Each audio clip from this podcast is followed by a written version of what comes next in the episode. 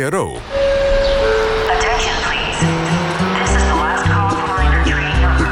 Bureau Buitenland, Nachtexpress. En provenance de Paris-Montparnasse. Presentatie Abdou Bouzerda. Informiamo i viaggiatori che il treno regionale 20 Als de wereld uit één land zou bestaan, dan zou Istanbul daar de hoofdstad van zijn. Nee, dit is geen grootspraak van een trotse Turk, maar een letterlijke quote van de bekende Franse generaal Napoleon Bonaparte. Al dus heel veel trotse Turken. Goedenacht, welkom bij de eerste aflevering van de Nachtexpress. Het nachtprogramma van Bureau Buitenland, waar we drie maanden lang elke week op onderzoek gaan in een stad. Vannacht is dat Istanbul. Onze reisgids vandaag is Dennis Karaman. Deze Amsterdammer met Turkse roots maakt zich op voor de gemeenteraadsverkiezingen later dit voorjaar in onze hoofdstad. Dat betekent overdag hard werken en s'avonds op tijd naar bed gaan. Maar voor ons slaat hij deze nacht over. Dennis Karaman, welkom bij de eerste uh, uitzending van de Nachtexpress. We willen de komende twee uren heel graag met jou... en vooral ook door jouw ogen Istanbul leren kennen. Maar we willen natuurlijk ook graag weten wie jij bent. Ik heb net al verklapt, jij gaat in maart uh, meedoen voor GroenLinks in Amsterdam. Maar wat doe je nu eigenlijk voor werk? Dankjewel, Abdul. Leuk om hier te zijn op dit uh, mooie tijdstip. Um, ik ben op dit moment werkzaam bij Stichting Sex Matters... Um, dat is een stichting die zich bezighoudt met onderwijs op uh, ROC's en middelbare scholen. Voornamelijk in de regio van Amsterdam. En wij geven voorlichting over gender, consent en seksualiteit. Ja. Maar het belangrijkste daar is in, al, in alle lessen die we geven... is uh, jezelf kunnen zijn. En, en gender in, in normaal Nederlands, waar hebben we het dan over?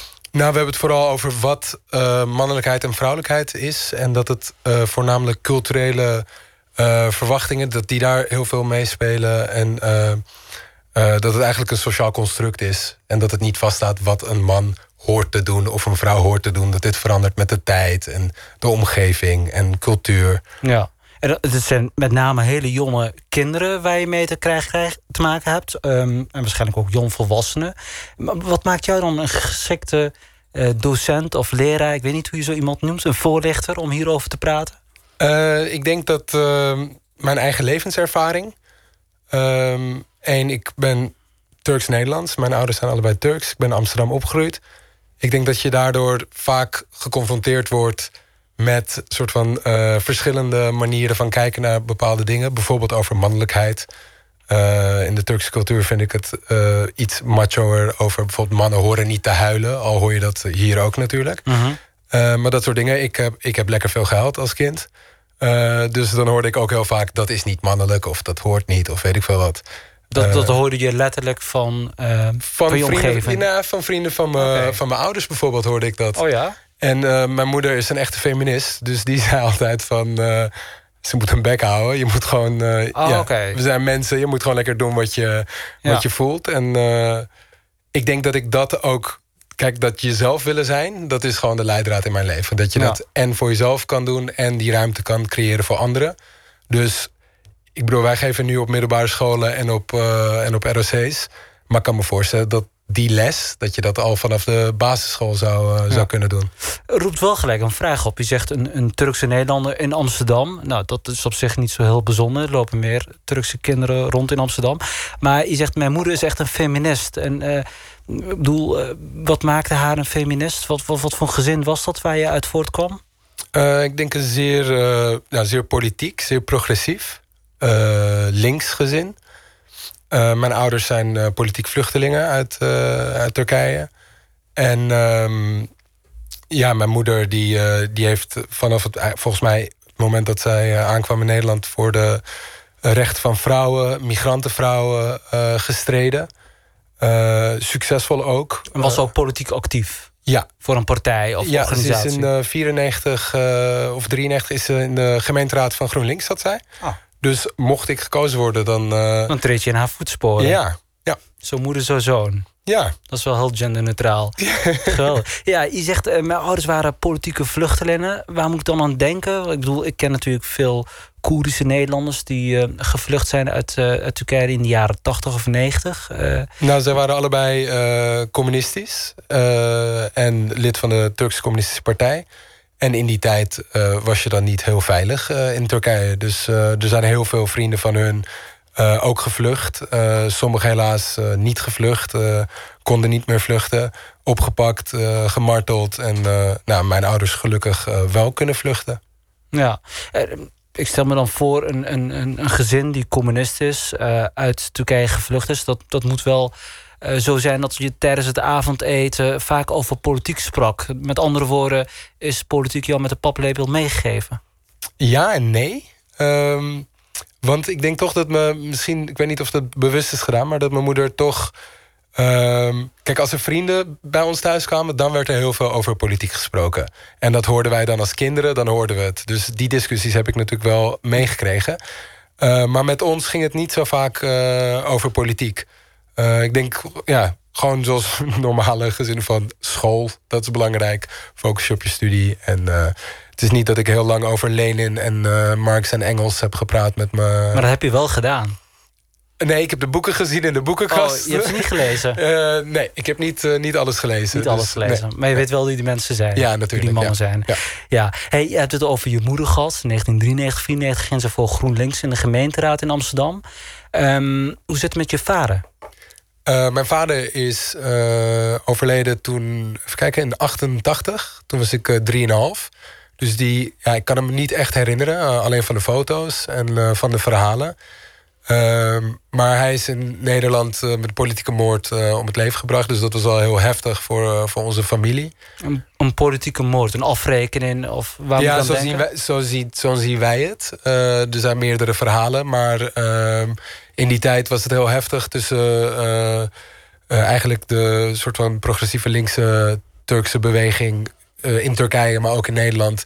En de nationalistische rechtse beweging. Ja. Uh, maar ook uh, ja, andere... En, en, en, hij is vermoord door ja. een rechtse Turk. Ja, dat, dat denken wij. Maar ik bedoel, er is ook politie, er is ook onderzoek gedaan, hoop ja. ik. Ja, ja, zeker, zeker. Maar ja, het treurige is dat, dat je dan ook... Kijk, op het moment, er is iemand die heeft gezegd... ik heb het gedaan. Mm -hmm. die heeft toen twee weken later weer gezegd... ik heb het niet gedaan.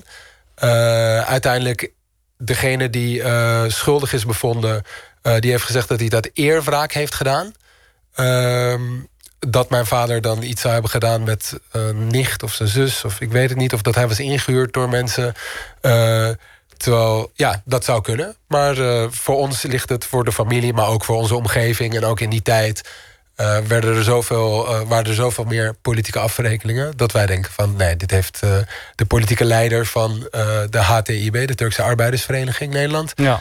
die wordt omgebracht met politieke redenen. Daarvoor was er ook al namelijk aanslag geweest. Die was mislukt. Ja. dus om nu te zeggen... oh ja, nee, dit komt omdat je dit hebt gedaan... dat, dat, ja, daar geloof ik niet in. Want uh, vorig jaar tijdens de verkiezingen in Nederland... en met die mislukte coup in Turkije... toen werd er vaak gezegd van... Uh, ongekende polarisatie in de Turkse gemeenschap.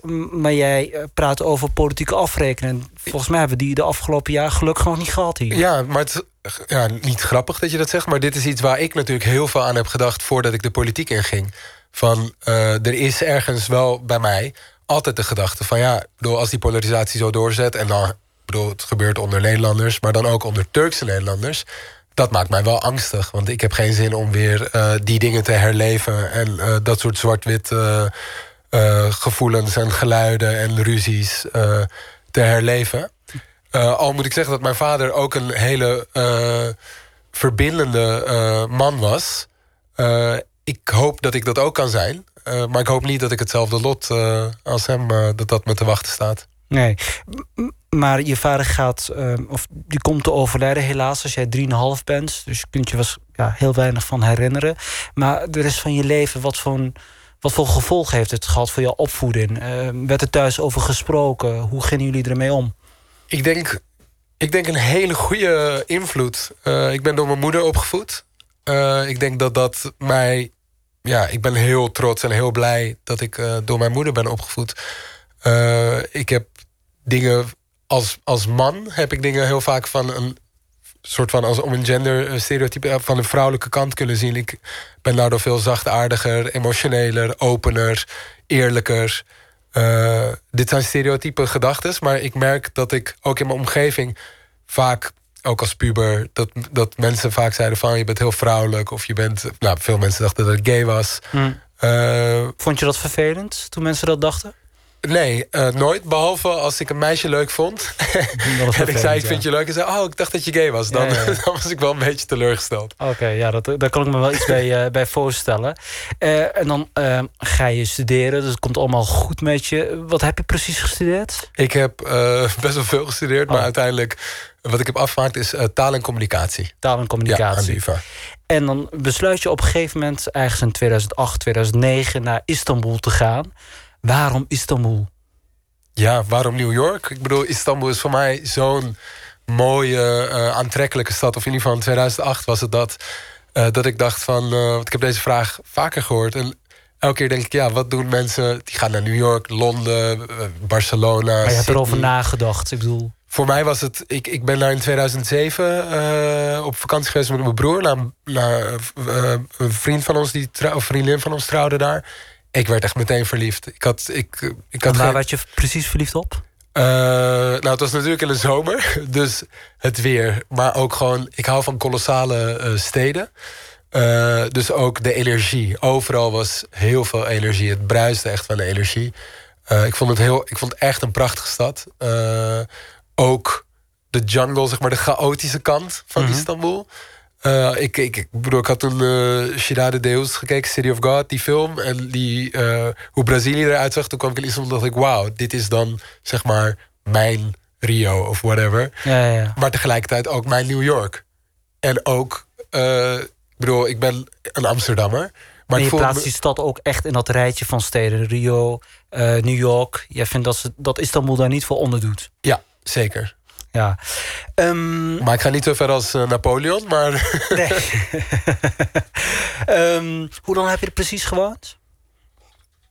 Even denken, ik heb er uh, 2008, ja, acht jaar gewoond. Ja. Ja, acht jaar. Acht jaar. En met heel veel plezier? Heel veel, ja, echt heel veel plezier. Echt een, ik heb het wel eens eerder vergeleken met een relatie, maar gewoon een prachtige relatie van acht jaar. En ook een mooie Waar je relatie. positief op kunt terugkijken. Ja, ja. Je kunt nog mee als vrienden mee omgaan. Met die ex. Ja precies. Heel goed. We gaan naar muziek luisteren.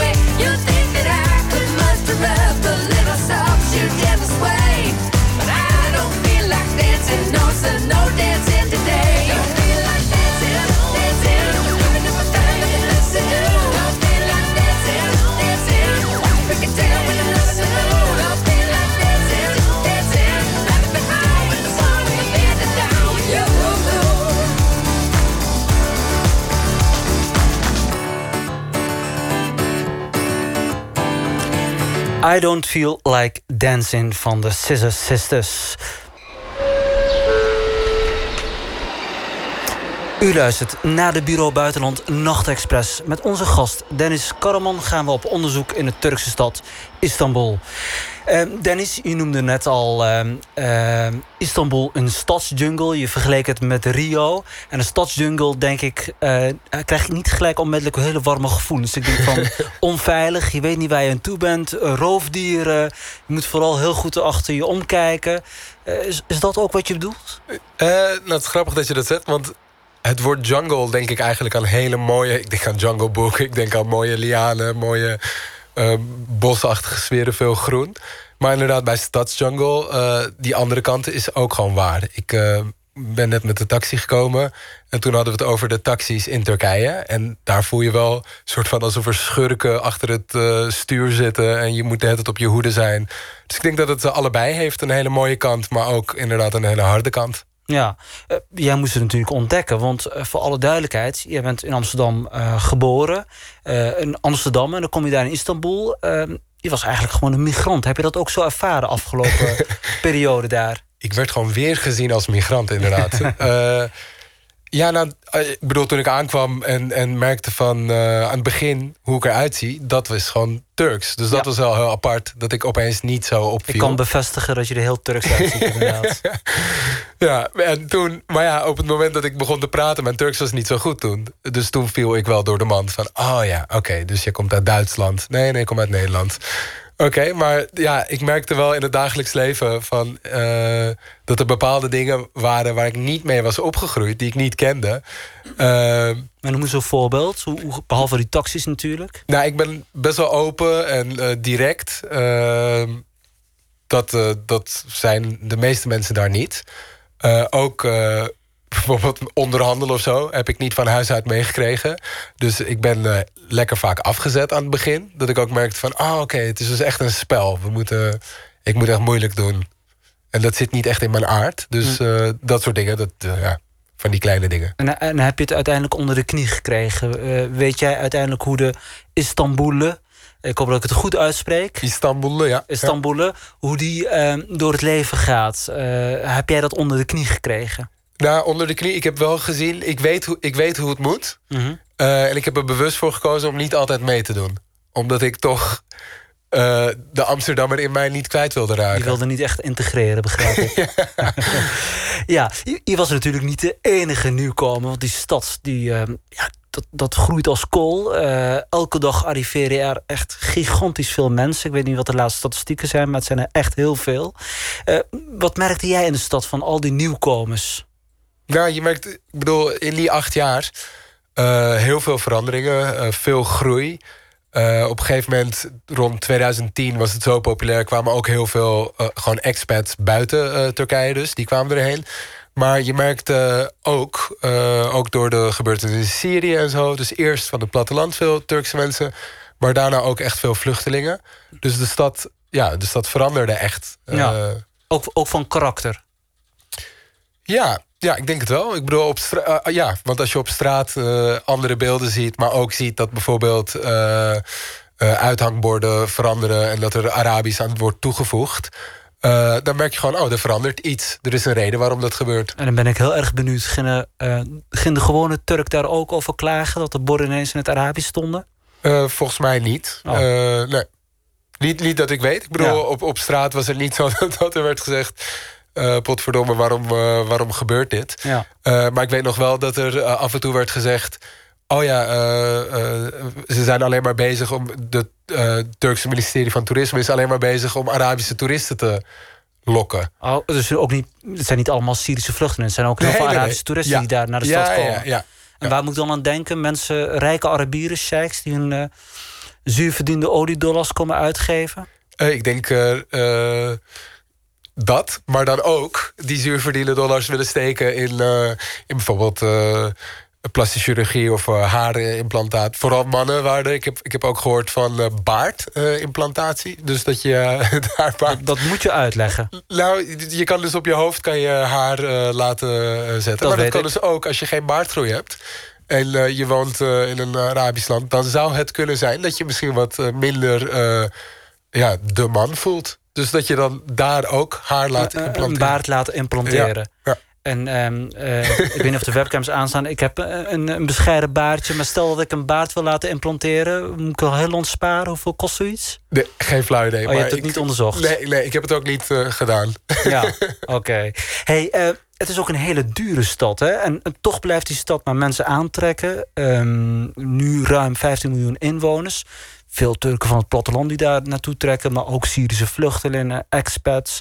Ehm, ik weet niet hoe dat nu is met die expats. Maar het blijft veel mensen aantrekken. Maar het is ook een hele dure stad. Hoe, wat, wat merk je daaraan? Wat, wat maakt die stad nou zo duur? Ja, toen ik daar woonde, merkte ik eh, dat, dat er eigenlijk delen zijn die echt heel duur zijn. Ik bedoel eh, wijken. Wijken, wijken Ja. inderdaad, delen van de stad, wijken die echt heel duur zijn. En dat er ook heel veel wijken zijn waar gewoon eh, ja, bijna een soort eh, ghetto-vorming, eh, golfplaten, huis van golfplaten. Gewoon echt een hele eh, grote tegenstelling. Waar ook, ik weet nog dat ik eh, een bordje met rijst en kip of zo, dat is daar, ja, dat was gewoon echt 50 eh, cent of zo. Ik heb het even omgerekend al. Ja. Eh, terwijl het waar ik woonde, eh, dat was midden in de stad, eh, was het eh 2 euro. Dus gewoon, weet je, dat je meteen merkt, oh, dat is toch een En verschil. waar woonde jij dan midden in de stad? Ik woonde, heel, ik woonde in Harbiye. Dat is een wijk die eh, aan Taksim ligt. En Taksim is een soort van de dam van, Ja. van Istanbul. bekend uit al die bekende reisbrochures. Ja. Hey, en ehm, jij, jij woonde daar. Ehm huur je daar? Of waar moet ik aan denken? Nou, je moet denken dat als ik niet het geluk had... eh, als ik huur had moeten betalen, dan had ik daar niet zo lang volgehouden. Want ik ben daarheen gegaan, eh, afgestudeerd eh, taalkundige eigenlijk. En dan ook nog Nederlands. Dus dan vind je daar niet zo snel werk. Dus om rond te komen dacht ik, ik ga in het Engels schrijven. Nou, dat heb ik geprobeerd. Ik heb gesolliciteerd. Ik heb wat plekken geprobeerd. En toen kwam ik uiteindelijk bij Time Out Istanbul. In het Engels terecht. En wat is dat time-out? Time Out is een gids voor... ja, dat was eigenlijk eh, voornamelijk voor toeristen en expats. Mhm. En dan ging het eh, elke maand over dingen die, de- die te doen waren in Istanbul. En daar schreef ik dan ook over. Ik schreef dan vooral over uitgaan, eh, de cultuur. Maar ik verdiende daar echt helemaal niets. Dus En hoeveel, hoeveel kreeg je dan als je een, een stuk had geschreven? Volgens mij had ik per maand schreef ik iets van vier artikelen... en dan kreeg ik 50 euro. Ja, en kun je daar huur van betalen? Nee, nee. Maar hoe deed je dat dan met die huur? Eh, ik had het geluk dat eh, mijn familie daar eh, een huis had. eh, dat leeg stond. Dus eh, da- daar kon ik in. Anders was het me nooit gelukt, nooit gelukt om daar zo lang te blijven. Nee, dat, dat lijkt me ook niet. Want dan, dan komt de vraag gelijk op... hoe doen die andere nieuwkomers het? Ehm, want die moeten natuurlijk ook gewoon ergens gaan wonen. Die kunnen niet zomaar op straat, gaan slapen. Ja, dan krijg je dus toch weer dat jungle gevoel. Van het is best wel zwart-wit. Om te overleven moet je dus of... eh, kijk, als je heel hard werkt... eh, in een café werkt of weet ik veel. Het is niet zoals in Nederland dat je als student een maandje lekker in een café kan werken en ook nog je eigen huur kan betalen. En, eh, want je komt gewoon niet rond. Het eh, minimumloon is daar. Er was een rel deze week ook, maar het minimumloon is daar volgens mij iets van eh 300 euro per maand. Ja. En de kosten zijn daar niet veel lager. Mhm. Dus eigenlijk wordt er al gezegd: ja, ja het, gaat je niet, het gaat je gewoon niet lukken. Ja. Dus of je moet rijke ouders hebben. Eh, of je moet een baan hebben eh, waar je echt veel verdient. En eh, ik had vrienden die bankier waren of die in de reclamewereld of zo zaten. Ja, en die verdienen wel genoeg. Maar dat, dat is een beetje de upper middenklasse. Dat zijn een beetje juppen. Maar de gewone, ehm sorry, de gewone Ali en Fatma... die uit uh, Trabzon komen of Anatolië naar Istanbul... waar gaan die dan zitten? Uh, die zitten denk ik niet uh, in de buurt van Taksim. Nee. Omdat het gewoon echt niet te betalen is. En niet met een, met een uh, doorsneebaan, zeg maar. Nee. En ook voor mij niet. Ik bedoel, ik, ik had het ook niet gered. Dus niet als schrijver, niet als journalist of whatever... Had ik, zou ik het ook niet redden. Ja. En behalve dat schrijven, heb je nog wat anders geprobeerd of gedaan om rond te komen? Nou ja, op het moment dat je 50 euro uh, hm. krijgt... of ik weet niet meer hoeveel lira het was... maar dat je dan merkt van, ik moet toch rondkomen, ik moet eten... Ja. Uh, probeer je van alles. Uh, ik heb een tijdje een hondenuitlaatservice gedaan. En dat was... ik ben allergisch voor honden. Ik ben ook bang voor honden. Dus Zo wanhopig was jij ja, voor geld. Was, nou, het kwam echt op mijn pad. Dus toen dacht ik... ik zei gewoon echt op alles ja. Ik dacht gewoon van... Oké, okay, dit is een klusje. Ik kan hier weer... je werd gevraagd om honden uit te laten. Ja, via, een, via mijn ex-vriendin. Die werkte in een groot modebedrijf. En daar ja. waren heel veel expats. Ja. En zij moesten dan dus... zij gingen dan weer naar het buitenland of naar het hoofdkantoor. En ze hadden honden in Turkije, Ja. eh, in hun huis. En daar moest iemand dan op passen of die moest eh, uitlaten. Toen dacht ik, ja, weet je, ik heb geen, anders kom ik niet rond, laat ik het maar doen. Ja. Dus ik heb het eh, iets van een jaar of zo gedaan. M- Maar dat moet je mij even uitleggen, Dennis. Je bent bang voor honden en allergisch. Maar zo van hoop dat je toch met die honden op straat gaat. En ik stel me dan voor, hoe, ik kan me eigenlijk helemaal niks bij voorstellen. Je moet het mij gewoon even Nou uitleggen. ja, Hoe ik had op een gegeven moment, ik zocht dan wel echt de honden, honden uit die zo klein mogelijk waren, waar ik nog wel voelde van, oké, dit kan ik aan. Ja, ja. Maar ik weet nog een keer dat ik met twee kleine honden door het park liep. En dat een hond begon te blaffen. En dat ik zo bang was dat ik, zeg maar, die honden echt omhoog trok en weg ging rennen. Ja. Dat ik dacht van, ah ja, volgens mij is dit niet echt een hele natuurlijke reactie van de honden uitlaat. En die andere, ja, die honden zaten ook zo van, wat gebeurt hier? Ja. Ik, ik zette het op een rennen. Ik was echt heel... eh, Ik, ik vermoed zo dat het niet echt een hele succesvolle onderneming eh, is geweest. Nou ja, die vrouw was wel heel tevreden, want ik was heel lief voor die honden. Maar ik had haar wel verteld van, ja, vind je het oké als ik niet meer in het park de honden uitlaat, maar ergens waar geen andere honden zijn? Geen andere honden. Ja. Ja. Hey, en, eh, dus dat, eh, artikelen schrijven voor Time Out, voor toeristische artikelen. eh, honden uitlaten. En wat, wat heb je nog meegedaan? Heb je überhaupt iets meegedaan? Eh, ja, ja, ja, ik heb ook nog een, eh, eh, met een vriend van me een sneakerwinkel gehad. Eh Lastic Pabuc, die bestaat nog steeds. Al ben ik eruit gestapt en heeft die vriend, mijn compagnon, heeft het nu verkocht. Maar dat was een heel, le- heel leuk project om te doen. Eh, uiteindelijk waren we allebei zo positief en niet per se anticapitalistisch, maar we waren niet hele goede ondernemers. Dus Ja. eh, financieel ging het niet zo goed. Maar qua eh, hoe leuk we het vonden en hoeveel mensen we hebben bereikt, was het wel echt een succes. Was je vroeger aan die communistische eettafel in Amsterdam... bij je ouders niet echt uitgelegd hoe je winst kunt maximaliseren? Nee, ja, ik weet nog dat ik zei: hé hey mam, ik ga zoiets doen. En dat, het, dat ze echt schrok. Zo van: serieus? Is, Ja. dit, eh, is dit wat er van je. Je had beter kunnen zeggen dat je gay was of iets anders. Nou, dat zou haar echt dat zou haar niets uitmaken. Nee. Dit was, eh, dit was echt. is echt... ja. Ja. ja, weet je, heftig. En, en, eh, maar ik heb je ook even voor de uitzending gesproken. Je hebt ook muziek gedraaid.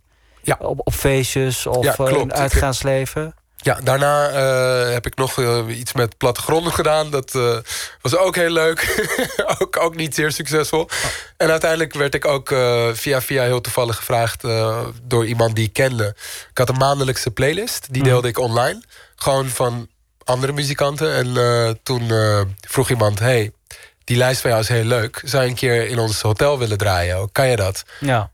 De bluffer die zei in mij, die zei... Ja, natuurlijk. Maar je had nog nooit eerder gedraaid. Ik had nog nooit gedraaid. Ik had wel DJ-vrienden, dus ik Ja? heb wel naast gestaan. En toen heb ik meteen een van die hele goede vrienden... eh, eh, die draait onder de naam Berabar, Barış Mhm. Akardere.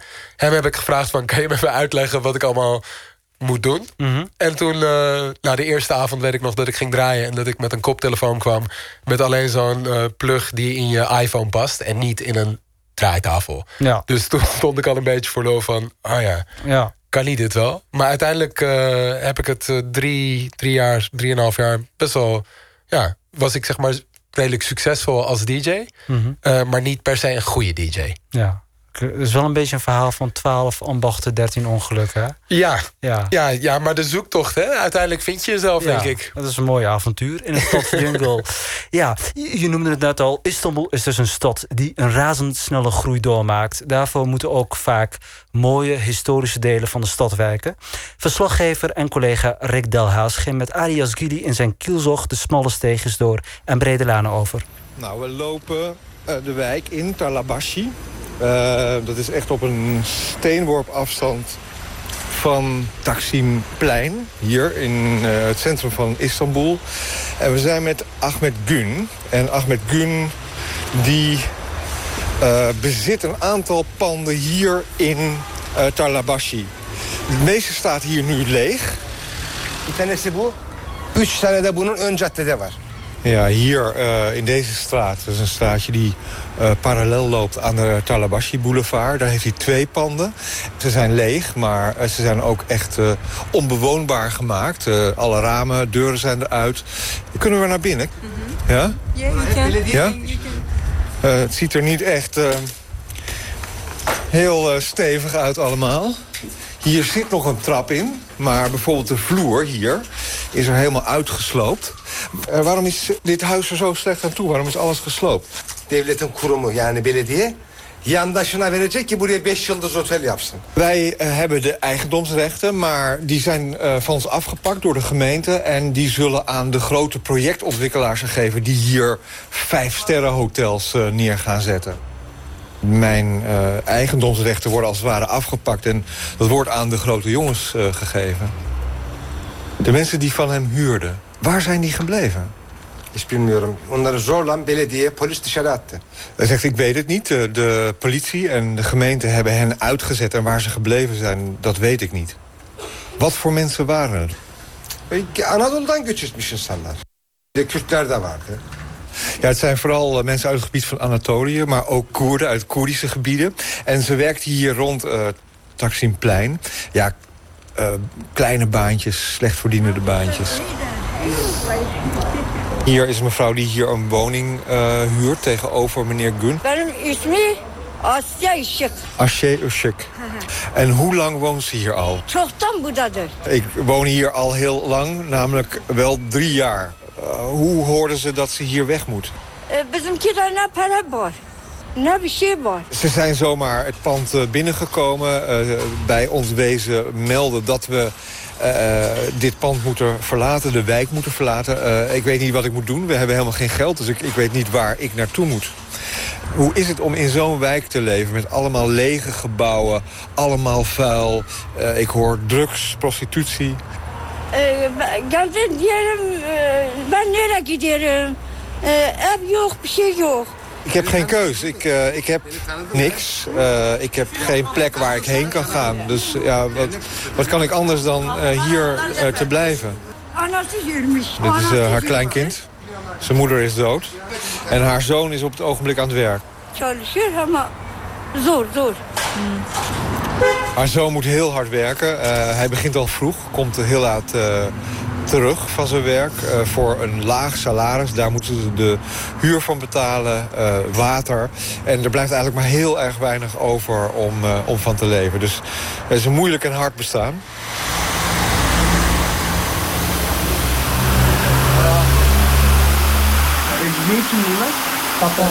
Için. Ze maken hier eh, hangers, sieraden, om aan, aan kettingen te hangen. En wat ruik ik dan? Bunlara akım vermesi için, kaplama, kaplama için. Kaplama için. Dat is een chemisch goedje wat je ruikt. Ehm, dat wordt gebruikt om de sieraden op te poetsen, om die glans, eh, die mooie glans mee te geven. Nou heb ik gehoord dat deze hele wijk ontruimd wordt. En jullie, dit bedrijfje, zit er nog. Hoe kan dat? Şu an oraya kadar bir yıkım kararı var. Ondan sonrasında kesin belli değil bir şey. Op de hoek staat een eh, winkeltje. En dat is zeg maar de grens waar er op dit moment een eh, besluit eh, ligt om te ontruimen en het eh, neer te halen. Hij zit nu nog in de groene zone. Eh, en op de vraag of hij hier over een tijd nog denkt te zitten, ja dat is. Eh, we zullen het zien. Hey, wat vindt hij van de, van de stadsvernieuwing? Straks staan er allemaal hele mooie, dure panden. yapmışlar ya. Evet. Orada gördüm ama pek inandırıcı gelmedi. Eerst zien dan geloven. Je hebt de affiches gezien eh, aan de weg. eh, Het ziet er prachtig uit. Eh, maar goed, eh, kijk eens om je heen. De verloedering eh, gaat o- overal om zich heen. En ik zie niet gebeuren dat er in één of twee jaar tijd heel veel verandering optreedt. Dat, dat, dat luxe appartementen verrijzen. Om dit gedeelte van de wijk compleet te vernieuwen, dat vraagt tot, tot, tot zeker zo'n tien jaar. En niet, dat, dat is niet iets wat je in één of twee jaar doet. Een reportage van verslaggever Rick Delhaas en Ali Yazgili.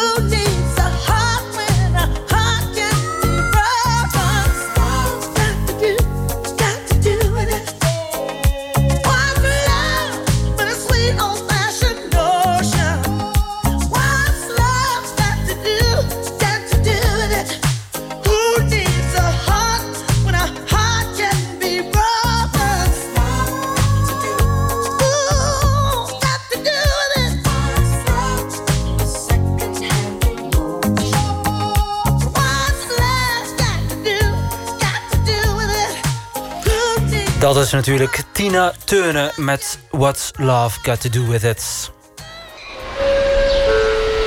Bureau Buitenland Nachtexpress met Abdou Bouzerda. En we zijn nog steeds in Istanbul tot 4 uur met onze gast en reisgids Dennis Karaman. Fijn dat u luistert. Dennis, je zei het ehm, net voor, het, ehm, eh, voor de muziek en de reportage. Je hebt als DJ gewerkt in Istanbul. Ehm, eh, in het uitgaansleven, hoe, was dat? Eh, Ik bedoel, eh, waar moet ik dan aan denken? Eh, hetzelfde als hier in Amsterdam of op Ibiza? Of... Nou, er waren feesten die, die zo waren zoals in Amsterdam. Maar over het algemeen was er ook wel een, een verschil. Ik denk dat mensen hier wat, wat vrijer uitgaan. Dat gevoel heb ik. Meer dansen, meer om de muziek geven. Eh, hangt er ook vanaf naar welk feest je gaat. Maar in Istanbul merkte ik, vooral toen ik daar eh, net heen was verhuisd... en in mijn eentje, dus nog niemand kende en uitging... eh, dat het soms ook een beetje een soort van een datingclub-achtig iets was. Dus dat je uitgaat om echt... Iemand te leren kennen. Leren kennen is een woord wat je kan gebruiken... maar gewoon echt te ontmoeten. Ja, ik weet het niet. Maar voor mij, ja, dat was voor mij best wel raar. Want ik ging echt uit om te dansen. Mhm. En ehm, ja, ik merkte ook bijvoorbeeld dat dan sommige jongens dachten... dat ik hun vriendin probeerde te versieren. eh, en dan boos werden of zo. Dus dat was ik niet gewend. In Nederland had ik dat, eh, had ik dat eigenlijk nooit. Ja. Uh, Yusim uh, Jandan, die uh, heb ik ook in de uitzending. Die houdt ook ja. van uh, uitgaan in Istanbul. Ik moet je duidelijker voorstellen. Publicist Yusim Jandan. En ik ben je heel erg dankbaar. Want je zit op je vakantieadres en het is heel laat in Turkije. Twee uur later, hè? Het is heel laat. Twee ja. uur later, klopt, ja. ja. Early bird. Early bird. Maar je houdt van uitgaan, dus voor jou is het niks. Maar vertel eens, waarom ga jij zo graag in Istanbul uit? Nou, Istanbul is voor mij sowieso een uh, duizend en één nacht. Uh, het is heel, het is echt een romantische stad. Um, heel, heel veel mooie mensen om je heen. Uh, het is een belevenis. Als je kijkt bijvoorbeeld, wat ik heel erg mooi vind, mijn top drie, is toch een belevenis om naartoe te gaan. En, um, en oh ja, wat ik ook leuk vind, is gewoon heel erg diversiteit is heel erg belangrijk. Dus dat jong en oud kunnen gewoon in één restaurant zitten en uitgaan. Dat vind ik zo waanzinnig. En is dat heel anders dan bijvoorbeeld hier in Nederland? Ja, zeker. Want in Spanje zie je dat ook heel erg in Madrid en Barcelona. Dat ook gewoon best wel veel ouderen daar binnenkomen. Heel mooi aangekleed. En heel veel groepen. Dat vind ik ook leuk. Ik ben een groepsmens. En ehm, dus je ziet niet echt dat je met z'n tweeën of zo iets gaat doen. Maar eh, mijn eh, favoriet is eh, bijvoorbeeld is Luca, Phoenix en Sunset. Dat, dat zijn nachtclubs, neem ik aan. Nou ja, maar niet echt nachtclubs. Ja, je hebt bijvoorbeeld Shamdan. Er was echt een icoon vroeger. Dat is echt eh, een heel klein eh, nachtclub. Maar bijvoorbeeld Luca is echt ehm, eh, een- klein soort van restaurant... waar je dus later op de avond kan dansen, kan zitten. Ehm, het is heel erg ons, kent ons wel. En Phoenix is gewoon een beleving, beleving omdat, omdat je dat ook natuurlijk... Je hebt heel veel mooie... Het is heel mooi ingericht, mooie glazen, mooie ambiance. En, maar de mooiste, mooiste eh, uitzicht is bijvoorbeeld Sunset. Ja. En- een heel mooi restaurant. En hoe ziet Ja. zo'n typische uitgaansavond in Istanbul eruit? Eh, wa- wat doe je dan? Ehm, hoe, hoe begint zo'n avond? Nou ja, eigenlijk voor een vrouw begint het sowieso. Dan ga je naar de kapper. want je haren moeten super mooi uitzien. Ja, veel concurrentie Dus je neem ik aan. Vandaar. er Er zijn... concurrentie. Daar Ja. zijn gewoon best wel heel veel mooie, mooie, mooie vrouwen. En eh, dus je gaat eerst gewoon uitgebreid eh, ga je haar laten doen. Dus ik ben ook heel vaak naar Istanbul gegaan met vriendinnetjes. En iedere keer gingen we met groepen vrouwen uit Nederland gingen we naar de kapper. En ze vonden het prachtig. Want alles is mogelijk. Je krijgt een glaasje champagne, je mag roken. Dus het is gewoon heel geestig. Ja. En daarna ga je dus ergens eten. Of je blijft daar, zoals in Sunset eh, kun je eten. Waanzinnig mooi uitzicht op de brug. En, eh, en dan heb je nog zo'n barretje erbij. Dus je blijft daar of je gaat ook ergens naartoe. Maar het begint altijd met eten. Maar je bent altijd in een groep. En dat vind ik zo leuk. Ja. En eh, aan Istanbul. Het is gewoon een, het is gewoon een belevenis. Je krijgt gewoon eh, positieve vibes als je daar bent. De- Dennis Karaman zit eh, ja te knikken. Eh, heb jij dat ook zo ervaren? Dat eten en dat uitgaan? Ja, ja, en ook de vergelijking met Barcelona en Madrid, dat herken ik ook helemaal. En eh, toevallig heb ik ook, toen ik DJ was, in Luca gedraaid, best wel vaak. Oh, kijk eens aan. en, Ja, ja, dus ook dat ons kent ons inderdaad. En eh, ja, gewoon precies zoals je zegt. echt helemaal goed omschreven, Jisje. Ja. Eh, heel goed, heel goed. Hey, en, en ik ben dan heel erg benieuwd, want ik bedoel, eh, ik ken het uitgaansleven in Istanbul niet zo goed. Ik moet eh, toegeven dat ik wel een keertje ben uit geweest. Ik weet niet meer waar. Maar ehm, eh, is, dat, is dat een beetje net als ook bijvoorbeeld, eh, ik zei net al Ibiza, maar mm, voor mijn part mag je ook Barcelona noemen of andere steden hier in Europa. Eh, uitgaan wordt vaak hier geassocieerd met veel drinken, eh, maar ook drugsgebruik. Eh, is dat in Istanbul ook het geval? Eh Jishem, zal ik dit beantwoorden? Als DJ eh, heb, ik, heb ik wel eens... Ja, ik, wil- ik, heb ook nog, een- ik heb ook nog wel iets over te zeggen. Maar begin jij maar. Ja, de DJ-kant is in ieder geval dat ik merkte eh, dat ik bijvoorbeeld. Ik, ik dacht dat het in Turkije. Nou, alcohol wist ik, maar drugs had ik niet verwacht. En toen ik aan het draaien was, aan DJ was, toen merkte ik van: oh ja, drugs is hier ook gewoon. Ik heb ook mensen op de dansvloer voor me gewoon kook zien snuiven en weet ik veel wat. En niemand zei daar iets over. Nou ja, je doet, het is niet dat ze het heel, heel open doen, dat, eh, dat iedereen, maar je ziet het wel. Het is niet dat ze het ook eh, dat ze naar de wc gingen. Eh, dus het viel me op van, oh ja, oké, dit is eh, dit had ik niet verwacht. Eh, ik dacht dat Istanbul, dat alcohol, maar dat dr- drugs echt, dat niemand het zou doen. Maar blowen en zo gebeurt ook gewoon op straat en op pleintjes. En, eh, en alcohol, ja, mezen en rakken, dat, dat hoort echt, eh, dat is ook gewoon Turkse cultuur. Dat hoort er gewoon ook echt bij. Ja. En, en Jessim, hoe heb jij dat ervaren? Wil, wil zeggen is over de, de Turkse vrouwen daar. Die kunnen zoveel drinken en zo sterk. Pest je af. Ik heb daar ook echt leren drinken. Niet in Nederland. Ik, ben, maar, ik heb een soort van een ontgroening gehad van rakken.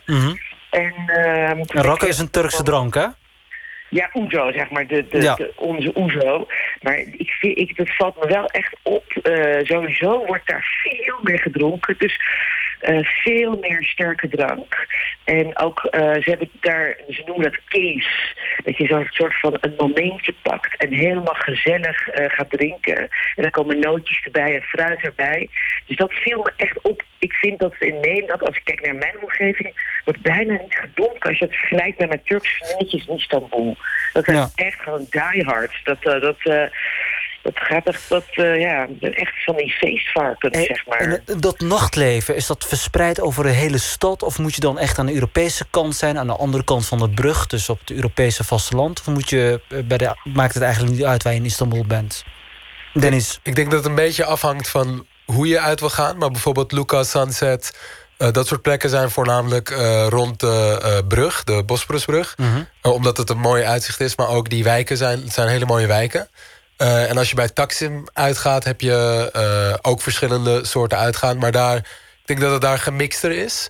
Dus zowel eh, harde elektronische clubs als een soort van traditionele plekken waar je met volksmuziek uit kan gaan.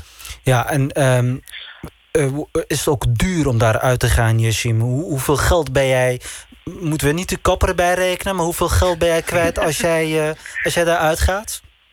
Nou ja, kijk, drank is wel echt best wel duur. Bijvoorbeeld als je eh, bijvoorbeeld champagne eh, bestelt. Ehm, ik heb wel eens ergens in een tent in een showtasje, dat is zeg maar de Amsterdam-Zuid van eh, Istanbul. Dat hadden we voor één glaasje, was dan 40 euro per glas van champagne. En dan moet je ook nog eens heel erg dronken worden. Ja, exact, dan moet je nog. Dus dat is al champagne. Dus ik zeg altijd tegen mijn vriendinnetjes, weet je, bestel dan geen champagne, want dat is bizar duur. Ja. Maar sowieso is alcohol ehm, ja, wel iets duurder, zeg maar. Maar het hangt een beetje van af. Kijk, eten aan zich is niet duur in Turkije. Ook in die clubs vind ik echt, ook een ook echt niet. Dat, is, ehm, dat vind ik wel goedkoper dan als ik in Amsterdam uit eten ga. Het gaat vooral om hoeveel je gaat drinken. Als je denkt van, nou, nu ga ik helemaal los met champagne. Ja, dan, dan wordt het een hele dure avond. Dus Ja. het is, heeft een beetje te maken met... drink je bier, dan is het oké. maar als je een gin tonic drinkt... En, eh, eh, dus, dus zeg dat je, dat je op zo'n avond wel... ehm, ja, eh, dingen, wat denk je? eh, iets van pp 80, 90 euro? Voor, Ja. voor een vrouw dan, hè? Ik bedoel, voor een man weet ik het niet, maar voor een vrouw... Want ben je, ben, je als, je ben, je- helemaal ben je als man meer geld kwijt dan als vrouw als je uitgaat in Turkije? Eh, ja, ik had natuurlijk de luxe dat ik DJ was. Dus Oh. dan eh, voor mij, ja, anders kon ik er waarschijnlijk ook niet komen, kon ik het niet betalen. Maar het klopt echt dat alcohol een stuk duurder is dan, Ja. eh, Ja. dan in Nederland. Het uitgaansleven eh, heeft ook te lijden gehad of, eh, door de eh, recente ontwikkelingen. Of ik moet zeggen de ontwikkelingen de afgelopen twee jaar. Aanslagen, politieke onrust. Ehm, daar wil ik zo met jullie over praten. Maar ik wil eerst even naar muziek luisteren.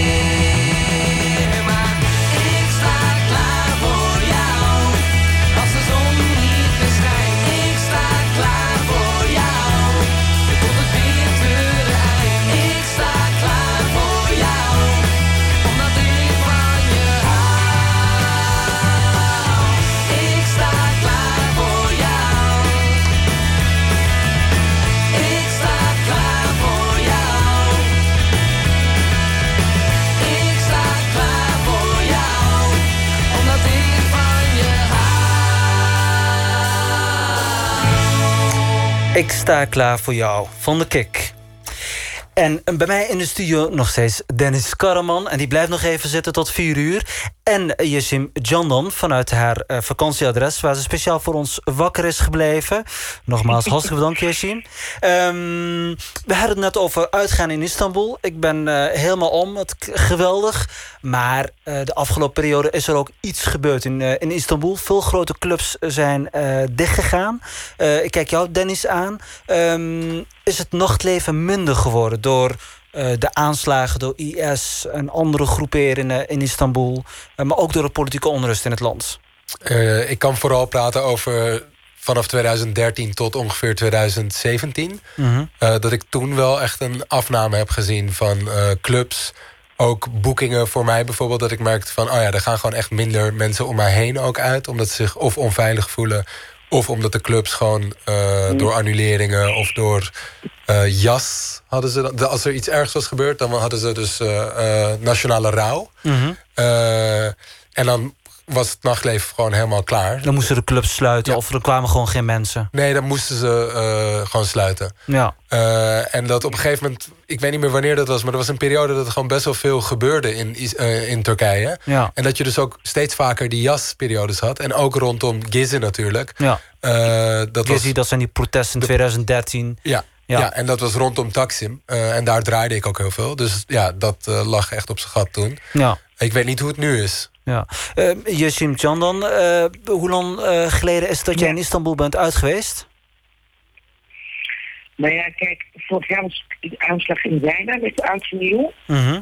En, en sindsdien ben ik niet meer uit geweest daar. Omdat ik ook, ik heb best wel veel vrienden daar wonen. En die zeiden ook van bijvoorbeeld, heel veel mensen zijn heel lang niet naar Lucca gegaan. Want ze zeiden van, mocht er dan een aanslag zijn, want die zit zeg maar aan de weg. En het is eenmaal raam. Dus mensen gingen rekening houden waar ze naartoe gingen.